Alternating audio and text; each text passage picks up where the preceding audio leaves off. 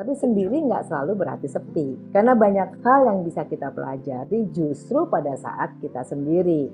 Kita semua punya yang namanya suara hati. Ya, dan suara hati itu bisa kita dengar kalau kita sendiri dalam hening. Ngobrol dan cerita di anyaman jiwa yuk. Tenang, kamu gak sendiri kok. Halo, selamat datang kembali di podcast Anyaman Jiwa khusus membahas kesehatan mental ya. Dan episode kali ini kita akan membahas mengenai bagaimana kita bisa memaknai arti kesendirian. Wah, ini dia nih, sendiri. Being alone.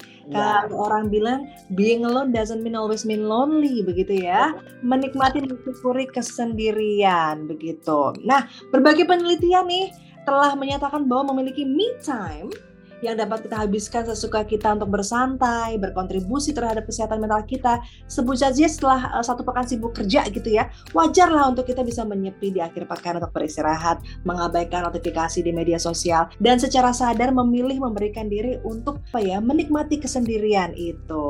Nah, merasa seperti ini, merasa sendiri juga, Nah, cocok yuk kita akan mendengarkan bersama-sama uh, podcast Anyaman Jiwa. Tapi jangan lupa nih ya, kalau kita baca dari artikel Harvard Business Review tahun 2020, ya sendiri atau being alone ini sebenarnya berbeda loh dengan perasaan kesepian gitu ya. Kesendirian ini diperlukan untuk kita bisa refresh pikiran dan tubuh menjadi lebih kreatif. Sebaliknya, kesepian ini imbasnya ke tubuh yang sakit-sakitan hingga perasaan yang depresif.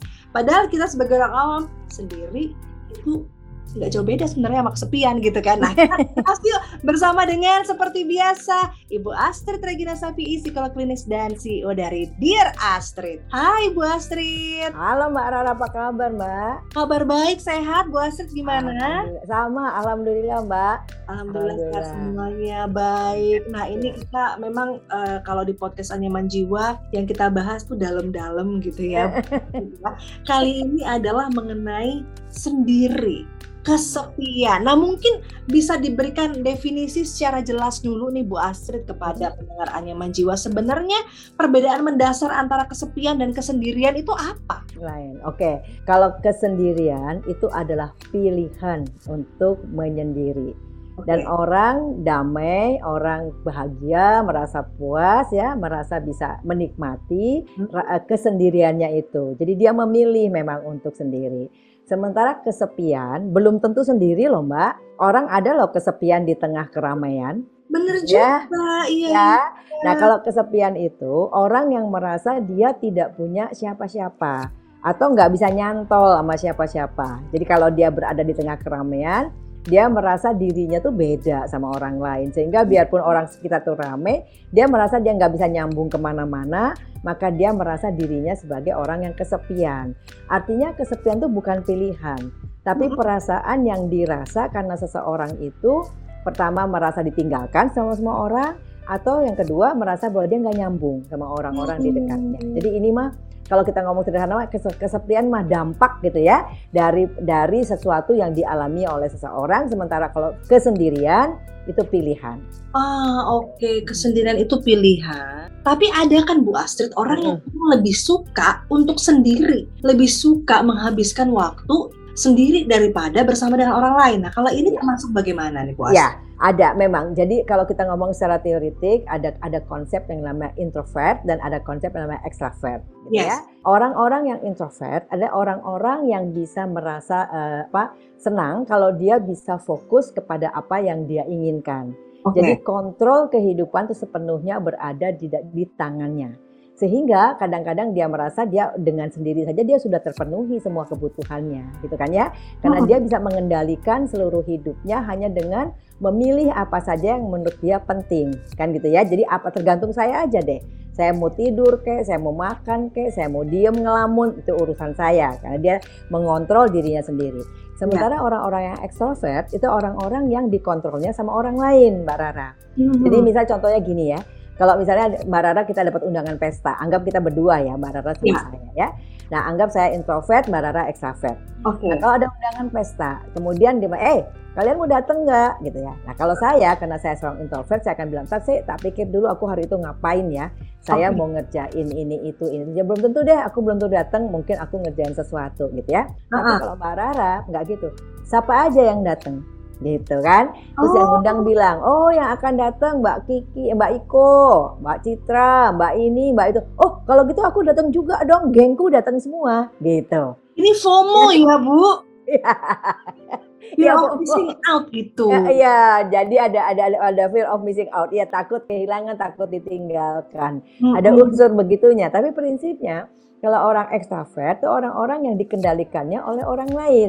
Tapi ada yang mengambil keputusan karena misalnya ya kerjaannya lagi hektik banget, tapi dia mesti fokus pada sebuah laporan misalnya ya. Katakan ini kan akhir tahun ya, mesti Iya. bikin laporan tahunan. Lalu dia bilang, oke semua semua orang eh, tolong ya, aku selama seminggu ini jangan diganggu ya, tolong jangan kirim aku eh, WA atau apa, aku matiin HP ku, aku mau fokus ke kerjaan bikin laporan. Nah, ada orang yang juga begitu. Jadi dia sendiri bukan tipe introvert, tapi pada momen tertentu dia memilih untuk sendiri. Karena dia ingin fokus menyelesaikan pekerjaan tertentu. Nah, Mhm. ini ini kan bagian dari hak hak asasi Mbak Mbak Mbak, Mbak Lara ya. Mhm. Tapi yang yang penting di sini adalah kesendirian tidak harus sepi karena kesendirian itu kan pilihan. Sehingga orang bisa jadi memilih untuk satu tujuan atau karena bawaannya memang orang itu introvert gitu loh. Oke oke. Tapi bisa nggak ada pergeseran nih? Soalnya saya seperti merasa seperti itu nih Bu Astrid. Ah, Rara muda ya, Rara Ah, kuliah, Rara awal-awal bekerja itu Mm. orang yang ekstrovert banget gitu ya. ah, ah. Tapi ke sini sudah berkeluarga gitu Iya. ya. Kok aku lebih suka me time ya? Kok aku lebih nyaman kalau aku ada di tempat yang tidak terlalu ramai? Kok ah. aku lebih suka sendiri gitu. Bisa nggak ada pergeseran? Ah, bisa, bisa. Jadi yang dulunya introvert lalu setelah, jadi Heeh. pekerja di extrovert bisa, yang tadinya ekstra menjadi intro bisa. Itu sebuah kalau dibilang ko- konsep, sebuah konsep yang kontinum pa- panjang gitu ya. Ujungnya di Oke. sini extrovert, di sini introvert, dan orang bisa geser-geser. Iya. Gitu ya. Jadi tergantung dia berada pada posisi mana dalam hidupnya saat ini. Satu contoh lagi, saya Hmm. sering banget eh, mendengar penjelasan dari orang-orang public speaker begitu ya, yang ataupun juga artis begitu yang memang kalau di depan publik itu mereka tuh wah banget gitu ya, sepertinya ekstrovert, banyak teman, suka eh, bercanda. Tapi mereka menjelaskan bahwa sebenarnya saya orang yang pendiam, saya orang yang introvert. Saya kalau di rumah tuh diam. Saya kalau di rumah itu eh, nggak ngelawak seperti gini gitu ya. Hmm. Itu ternyata bisa terjadi ya ketika seseorang harus memainkan peran begitu ya. Ah, bisa, sangat bisa. Satu tapi satu hal, berarti kecerdasannya tinggi, Mbak Rara. Karena peran atau pekerjaan tertentu atau situasi tertentu atau jabatan tertentu itu menuntut orang untuk melakukan sesuatu. Kayak salah satunya kalau dia jadi artis dia mesti tampak ramah, mungkin Nah. agak lucu kan gitu ya. Kemudian yang orang Jakarta bilang cablak ya. Tapi setelah itu dia pulang dia capek gitu. Me time lagi dia balik ke dirinya sendiri menjadi orang yang lebih tertutup yang tidak pengen diganggu dan ingin fokus pada diri sendiri dan sebetulnya dia pendiam bisa bisa Mbak itu adalah apa sebuah keniscayaan karena memang kadang-kadang peran kita jabatan kita ya atau pekerjaan yang kita pilih itu memaksa kita untuk berperilaku tertentu Oke baik. Nah saya pernah mendengar ada dua macam uh, kesepian, ada social loneliness, ada juga emotional loneliness. Mm-mm. Social loneliness lebih gampang, Mbak Rara, karena social loneliness itu kaitannya saya tidak punya teman hangout, saya nggak punya teman ngobrol, saya nggak punya teman yang satu uh, pikiran mungkin ya, atau yang satu geng sama saya itu jadi sifatnya lebih mudah karena itu bisa di luar. Artinya teman-teman itu kan bisa dicari, gitu kan Iya. ya kalau kita bergaul. Sementara kalau emotional loneliness itu di hati saya dan itu subjektif. Mhm. Itu seperti yang tadi saya katakan, orang bisa berada di tengah pesta, tapi kemudian dia kesepian. Dia ngerasa aku kok nggak nyaman di sini ya. Aku kok eh, ngerasa eh, I'm not belong here katanya ya. Saya Oke. merasa bahwa ini bukan tempat saya. Saya merasa harusnya saya nggak ada di sini. Padahal itu di tengah orang banyak, di tengah pesta nggak ya? Nah, jadi kalau emotional loneliness itu lebih susah karena kemudian sifatnya subjektif. Apakah yang bisa membuat orang bahagia? Apakah yang bisa membuat perasaan orang nyaman ya? Atau apakah yang bisa membuat orang merasa penuh gitu ya, fulfilled gitu ya? Iya. Apa coba Mbak Rara? Itu kan subjektif dia sendiri. Mhm. Jadi yang ini kesepian yang ini lebih dalam. Jadi biasanya terjadi pada orang-orang yang kehilangan orang yang tadinya sangat deket sama dia secara emosional ya, bapak mungkin pasangan hidup atau sahabat karib. Setelah orang itu hilang, dia bilang kalau pakai bahasa lagu separuh nyawaku pergi. Nah kalau sosial tinggal jebur aja kamu butuhnya apa. Kamu butuh orang yang misalnya ya, kamu butuh orang yang freak gitu ya, yang ngomongnya ilmu gitu terus gitu ya atau kamu butuh orang yang seneng disco tinggal cari komunitas butuh orang yang seneng goes tinggal cari komunitas kan kalau sosial itu kita bisa kriteria kita bisa lihat kamu butuh apa kesepian secara sosial kira-kira teman apa yang bisa memenuhi kebutuhan bukan begitu tapi hmm. kalau kesepian emosional aduh aku nggak tahu pokoknya kalau nyambung kalau serak tuh rasanya nyaman tapi kalau nggak serak nggak nyaman Nah, yang mana yang bikin kamu seret, yang mana yang bikin kamu nggak seret? Nggak tahu, itu mah kerasa aja. Coba gimana? Iya, iya, iya, iya. kan itu susah. Kadang-kadang kriterianya nggak bisa keriting apa lurus hitam apa putih loh ya. Mm -mm, Ya kan? Pokoknya klik, apa definisinya klik? Oke, nah setelah tadi kita tahu ya makna-makna kesepian, kesendirian ya. Kalau kita sudah tahu itu, nah bagaimana ya individu itu bisa lebih memaknai kesendirian dan bukan malah kesepian gitu? Oke. Nah, kayak gini, yang jelas tuh dia butuh seseorang untuk diajak dialog, Mbak Rara. Karena kalau orang itu misalnya mengatakan bahwa dirinya sepi gitu ya, itu kan akibat dia berpikir sendiri, merasa sendiri. Nah, ya. kalau ingin dirubah menjadi sendiri yang sifatnya dia pilih atau produktif, dia mesti bicara sama orang lain. Ada dialog-dialog yang dia mesti lakukan sama orang lain. Karena kalau di dalam diri sendiri itu muter, Marah. Itu ya. muter di dalam dan kita yang mengiyakan, kita yang kemudian nambah-nambahin, gede-gedein jadi drama gitu ya di ya. dalam diri kita sendiri gitu. Jadi dia mesti keluar beraktivitas. Apa dia ngobrol di warung kopi kayak di kafe apa dia cerita sama orang di bus di mana. Pokoknya dia mesti ngobrol sama seseorang yang kemudian bisa memberikan makna bagi dia Iya, oke. Okay. Nah, kalau kita bawa konteks kesepian, kesendirian ini dalam hubungan romantisme gitu ya, mm, mm, ada saja justru individu yang memilih untuk hidup sendiri. Nah, misalnya emang dia takut komitmen, takut mm. ditinggalkan. Kalau dari pengalaman Ibu Astrid juga begitu ya sebagai seorang psikolog klinis, sebenarnya ada makna yang lebih dalamkah dari so pilihan seorang individu untuk hidup sendiri? Walaupun kan kan kita tahu bahwa tidak ada yang salah juga dengan pilihan itu begitu. Mm. Uh, kalau saya sih ini ya, kalau saya kebiasaan untuk menghargai pilihan orang ya. Dan saya kadang-kadang juga nggak paham alasannya Mbak Rara ya.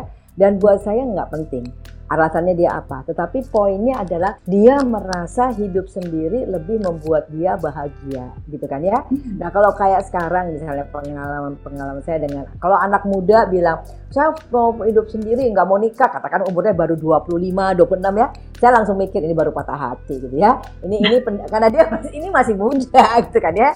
Pengalamannya masih udah masih sedikit. Ya, tapi kalau misalnya orang umur 40 mengatakan pada akhirnya saya memilih untuk hidup sendiri hmm. gitu ya Bu Asid. Oh ya kenapa Bapak atau kenapa Ibu? Saya merasa bahwa kalau hidup dengan orang lain kok ribet ya. Saya kalau ngurus diri saya sendiri dengan kucing saya, dengan ikan saya, dengan tanaman-tanaman saya di rumah, saya kok ngerasa lebih bahagia ya. Hidup sama orang secukupnya aja. Nanti kalau udah pulang saya bisa menikmati hidup yang sesungguhnya. Nah ini kan secara filosofis dia udah punya kenyamanan kan gitu ya ya. udah punya rasa puas ya dengan hidup sendiri hmm. melihara kucing dan melihara ikannya atau burung atau di rumah atau tanaman gitu kan dan hmm. dia merasa penuh dengan itu dia mengatakan hidup di luar itu sebagai keharusan karena dia mesti cari uang tapi sebetulnya hidup yang dia nikmati itu kalau dia sendiri nah kalau umurnya udah 40-an ke atas saya menganggap itu pilihan Mbak Rara dan alasannya ada karena dia lebih suka lebih nyaman kalau dia bisa hanya mikirin dirinya sendiri nggak usah berbagi sama orang lain. Kalau kita sambungkan lagi dengan emotional uh, loneliness atau juga social loneliness itu tadi dampaknya apa nih terhadap pilihan orang yang mau hidup sendiri saja okay. for the rest of their, their lives gitu. Oke. Okay. Kalau misalnya dia masih produktif, Mbak Rara dia masih bekerja, dia masih punya profesi atau jabatan, itu mungkin nggak kerasa Mbak Rara. Karena seperti yang dibilang sama seseorang yang pernah jadi klien saya ya, ya. dia hidup itu kalau dia di rumah. Jadi dia merasa hidup sangat bermakna, hidup sangat memuaskan, hidup bisa dia nikmati kalau dia hanya berdua kucingnya, kalau dia hmm. sedang bersihin akuarium, atau kalau dia sedang ngurus tanaman, itu hidup bagi saya. Di luar itu pekerjaan saya, jabatan saya, peran saya itu cuma pekerjaan yang harus saya kerjakan untuk menghasilkan uang. Artinya dia sebetulnya jujur apa tidak jujur, kebutuhan sosialnya di luar kan terpenuhi Mbak Rara. Mhm. Jadi dia mau memilih untuk sendiri sebagai bagian dari me time setelah kerja itu kan jadi kemudian seimbang ya Mbak Rara. Nah tapi kalau dia kemudian sudah tua, dia udah tidak punya pekerjaan, dia udah pensiun misalnya ya, udah nggak punya jabatan, udah nggak ada peran, itu jadi problem gitu ya. Karena saya amati nih teman-teman saya yang banyak teman-teman saya yang memilih hidup sendiri ya Mbak Rara ya. Pada Ya. saat dia mulai tua, dia udah nggak begitu produktif, secara fisik juga nggak begitu kuat, itu menjadi masalah karena nggak punya siapa-siapa. Katakan misalnya dia sakit, tangannya retak ya. Rumahnya itu kebetulan dia pilih rumah yang kayak di lembah gitu, Mbak Rara, di bawah. Nah, terus dia mesti naik ke atas kalau mau ketemu orang. Karena di situ cuma ada rumahnya dan kebun. Lalu dia nggak bisa teriak-teriak, nggak kedengeran dari atas. Dan dia sendirian, nggak punya siapa-siapa. Nah saya mikir kayak gini ini kalau orang memilih untuk sendiri pada usia sudah tua, itu rada berat ya sebetulnya ya. Karena Hmm. dia kan tidak sehat Mbak Rara. Jadi artinya eh, social loneliness kalau di usia tua menurut saya itu bisa jadi sumber depresi ya Mbak Rara ya. Hmm. Kar- Karena karena social loneliness adalah kondisi ya kesepian yang terjadi karena dia tidak punya orang seseorang kan gitu ya atau sekelompok orang. Nah terus kalau pada usia tua di mana dia butuh dukungan karena kondisi dia sudah menurun itu akan jadi mo- modal untuk gangguan mental. Karena kemudian dia akan ngerasa saya ini sendirian, nggak punya siapa-siapa, nggak ada yang bantuin, nggak ada yang dukung kan gitu. Mhm. Nah ya, tapi kalau sementara dia masih kerja, dia masih apa, itu mungkin nggak apa-apa. Karena sebetulnya tanpa dia sadari kan keseimbangannya terjadi. Iya, iya. Ya, ya nggak bener-bener sendiri kan dia itu. Make sense sih. Ya. Mungkin untuk jangka panjangnya solusi bagi mereka yang memutuskan untuk hidup sendiri di masa tua mereka harus memikirkan untuk uh, tinggal dengan siapa Ah. begitu ya agar suatu saat ketika butuh bantuan itu uh, tidak sulit bagi dia. betul. Eh, Bu Astrid kalau ini bagi yang sudah punya pasangan atau keluarga kita bicara ya, Nah, perlu juga nggak sih gitu eh, seseorang itu juga mempunyai waktu untuk dirinya sendiri untuk me time begitu ya Oh. kadang ibu-ibu capek dengan keseharian di rumah mengurus anak dan aku kok pengen me time ya atau pengen pergi dengan teman-teman ya gitu sebenarnya boleh nggak kalau saya bilang wajib ya Mbak. oh Wajib. wajib Wajib, wajib. Jadi seorang ibu wajib punya me time, seorang ayah wajib punya me time, anaknya pun wajib punya me time. Artinya kita semua wajib, sebagai bagian dari pengembangan diri, kita mesti wajib punya waktu untuk refleksi. Wajib ya, oke Hmm. baik. Nah Bu Astrid kita masuk di segmen terakhir nih mungkin bisa berbagi tips atau pesan bagaimana agar eh, mengedukasi orang-orang bahwa kesendirian itu kadang-kadang diperlukan, tapi bukan juga itu berarti kesepian karena kesendirian itu pilihan begitu ya. Iya, Nah, betul. bagaimana tuh Bu Astrid? Memang nggak salah kita ya Mbak Mbak Rara ya, budaya kita itu seluruh kayaknya seluruh dunia dia universal itu mewajibkan bahwa orang tuh punya pasangan. Sehingga kalau orang itu nggak punya pasangan itu dianggap sebagai orang nggak normal. Itu, itu kan budaya ya. Nah Mhm. oleh karena itu kalau orang milih sendiri itu dianggap aneh gitu ya. Kebetulan penelitian juga di dalam ilmu perilaku memperlihatkan bahwa orang tuh bahagia kalau punya orang lain. Nah, sehingga orang yang memilih untuk hidup sendiri itu dikatakan sebagai orang aneh, ya. Nah, tetapi sebetulnya pada momen-momen tertentu kita butuh untuk sendiri. Karena hanya kita sendiri yang bisa mengevaluasi apa yang sudah kita lakukan selama ini. Apa makna yang kita dapat. Ya, lalu sejauh mana sih kehidupan itu sudah kita jalani ya? Apakah sesuai sama yang kita harapkan? Apakah ada yang mesti kita perbaiki? Apakah ada yang mesti kita sempurnakan? Nah, itu itu masa di mana kita bisa merenung, tidak tidak diganggu sama apa-apa, fokus pada diri kita sendiri. Nah, kalau kesepian itu adalah uh, kita me- menegatifkan kesendirian itu karena merasa ditinggalin orang atau merasa kita nggak cocok sama orang-orang sehingga kita beda kan gitu ya. Kita bisa jadi sepi kalau kita beda. Tapi sendiri nggak selalu berarti sepi. Karena banyak hal yang bisa kita pelajari justru pada saat kita sendiri. Kita semua punya yang namanya suara hati. Ya, dan suara hati itu bisa kita dengar kalau kita sendiri dalam hening. Tidak bisa kedengaran kalau di dalam hiruk pikuk dengan dunia kerja maupun dunia keluarga kita. Jadi eh, menurut saya sekali-sekali kita wajib membersihkan jiwa ya dengan sendiri menikmati apa yang bisa kita nikmati. Bentuknya nggak usah rumit-rumit. Kalau misalnya cuma ngopi aja gitu duduk di depan taman gitu ya, duduk Mhm. merenung nggak apa-apa kok gitu kan. Tidak harus pergi jauh dari rumah nggak harus kok. Atau kalau misalnya senang nyupir, nyupir tanpa tujuan, muter-muter gitu juga nggak apa-apa gitu kan ya. Tapi satu momen di mana kita bisa benar-benar menikmati diri kita sendiri. Wah, cakep banget. Betul. Jadi me time itu wajib, kalau Wajib. kata Ibu Astrid ya demi Ya. ya kesehatan mental. Wah, jadi tambah lagi pengetahuan kita mendengarkan podcast Anyaman Jiwa. Mudah-mudahan banyak jiwa-jiwa terberkati ya setelah mendengarkan Anyaman Jiwa kali ini dan selamat me time tentu Selamat saja. Oke, selamat meet Bu time. Terima kasih waktunya. Sama-sama Mbak Rara. Selamat sore, selamat malam, selamat ketemu pagi. lagi. Iya, tergantung mereka mendengarkan ya. Ketemu lagi nanti di Iya. podcast Anyaman Jiwa selanjutnya. Iya. Dan jangan lupa juga untuk para pendengar Nyaman Jiwa berbagi cerita ya, berbagi pengalaman tentang kesehatan mental. Silahkan kirim ceritanya ke podcast at kgmedia.id atau juga DM di media sosial Instagram at FM92 atau juga at medio by KG Media ya. Dan tentu saja dengarkan terus podcast Anyaman Jiwa di Spotify. Rara Kalisaran pamit, bye. Udah selesai episode kali ini. Tungguin episode Anyaman Jiwa selanjutnya ya.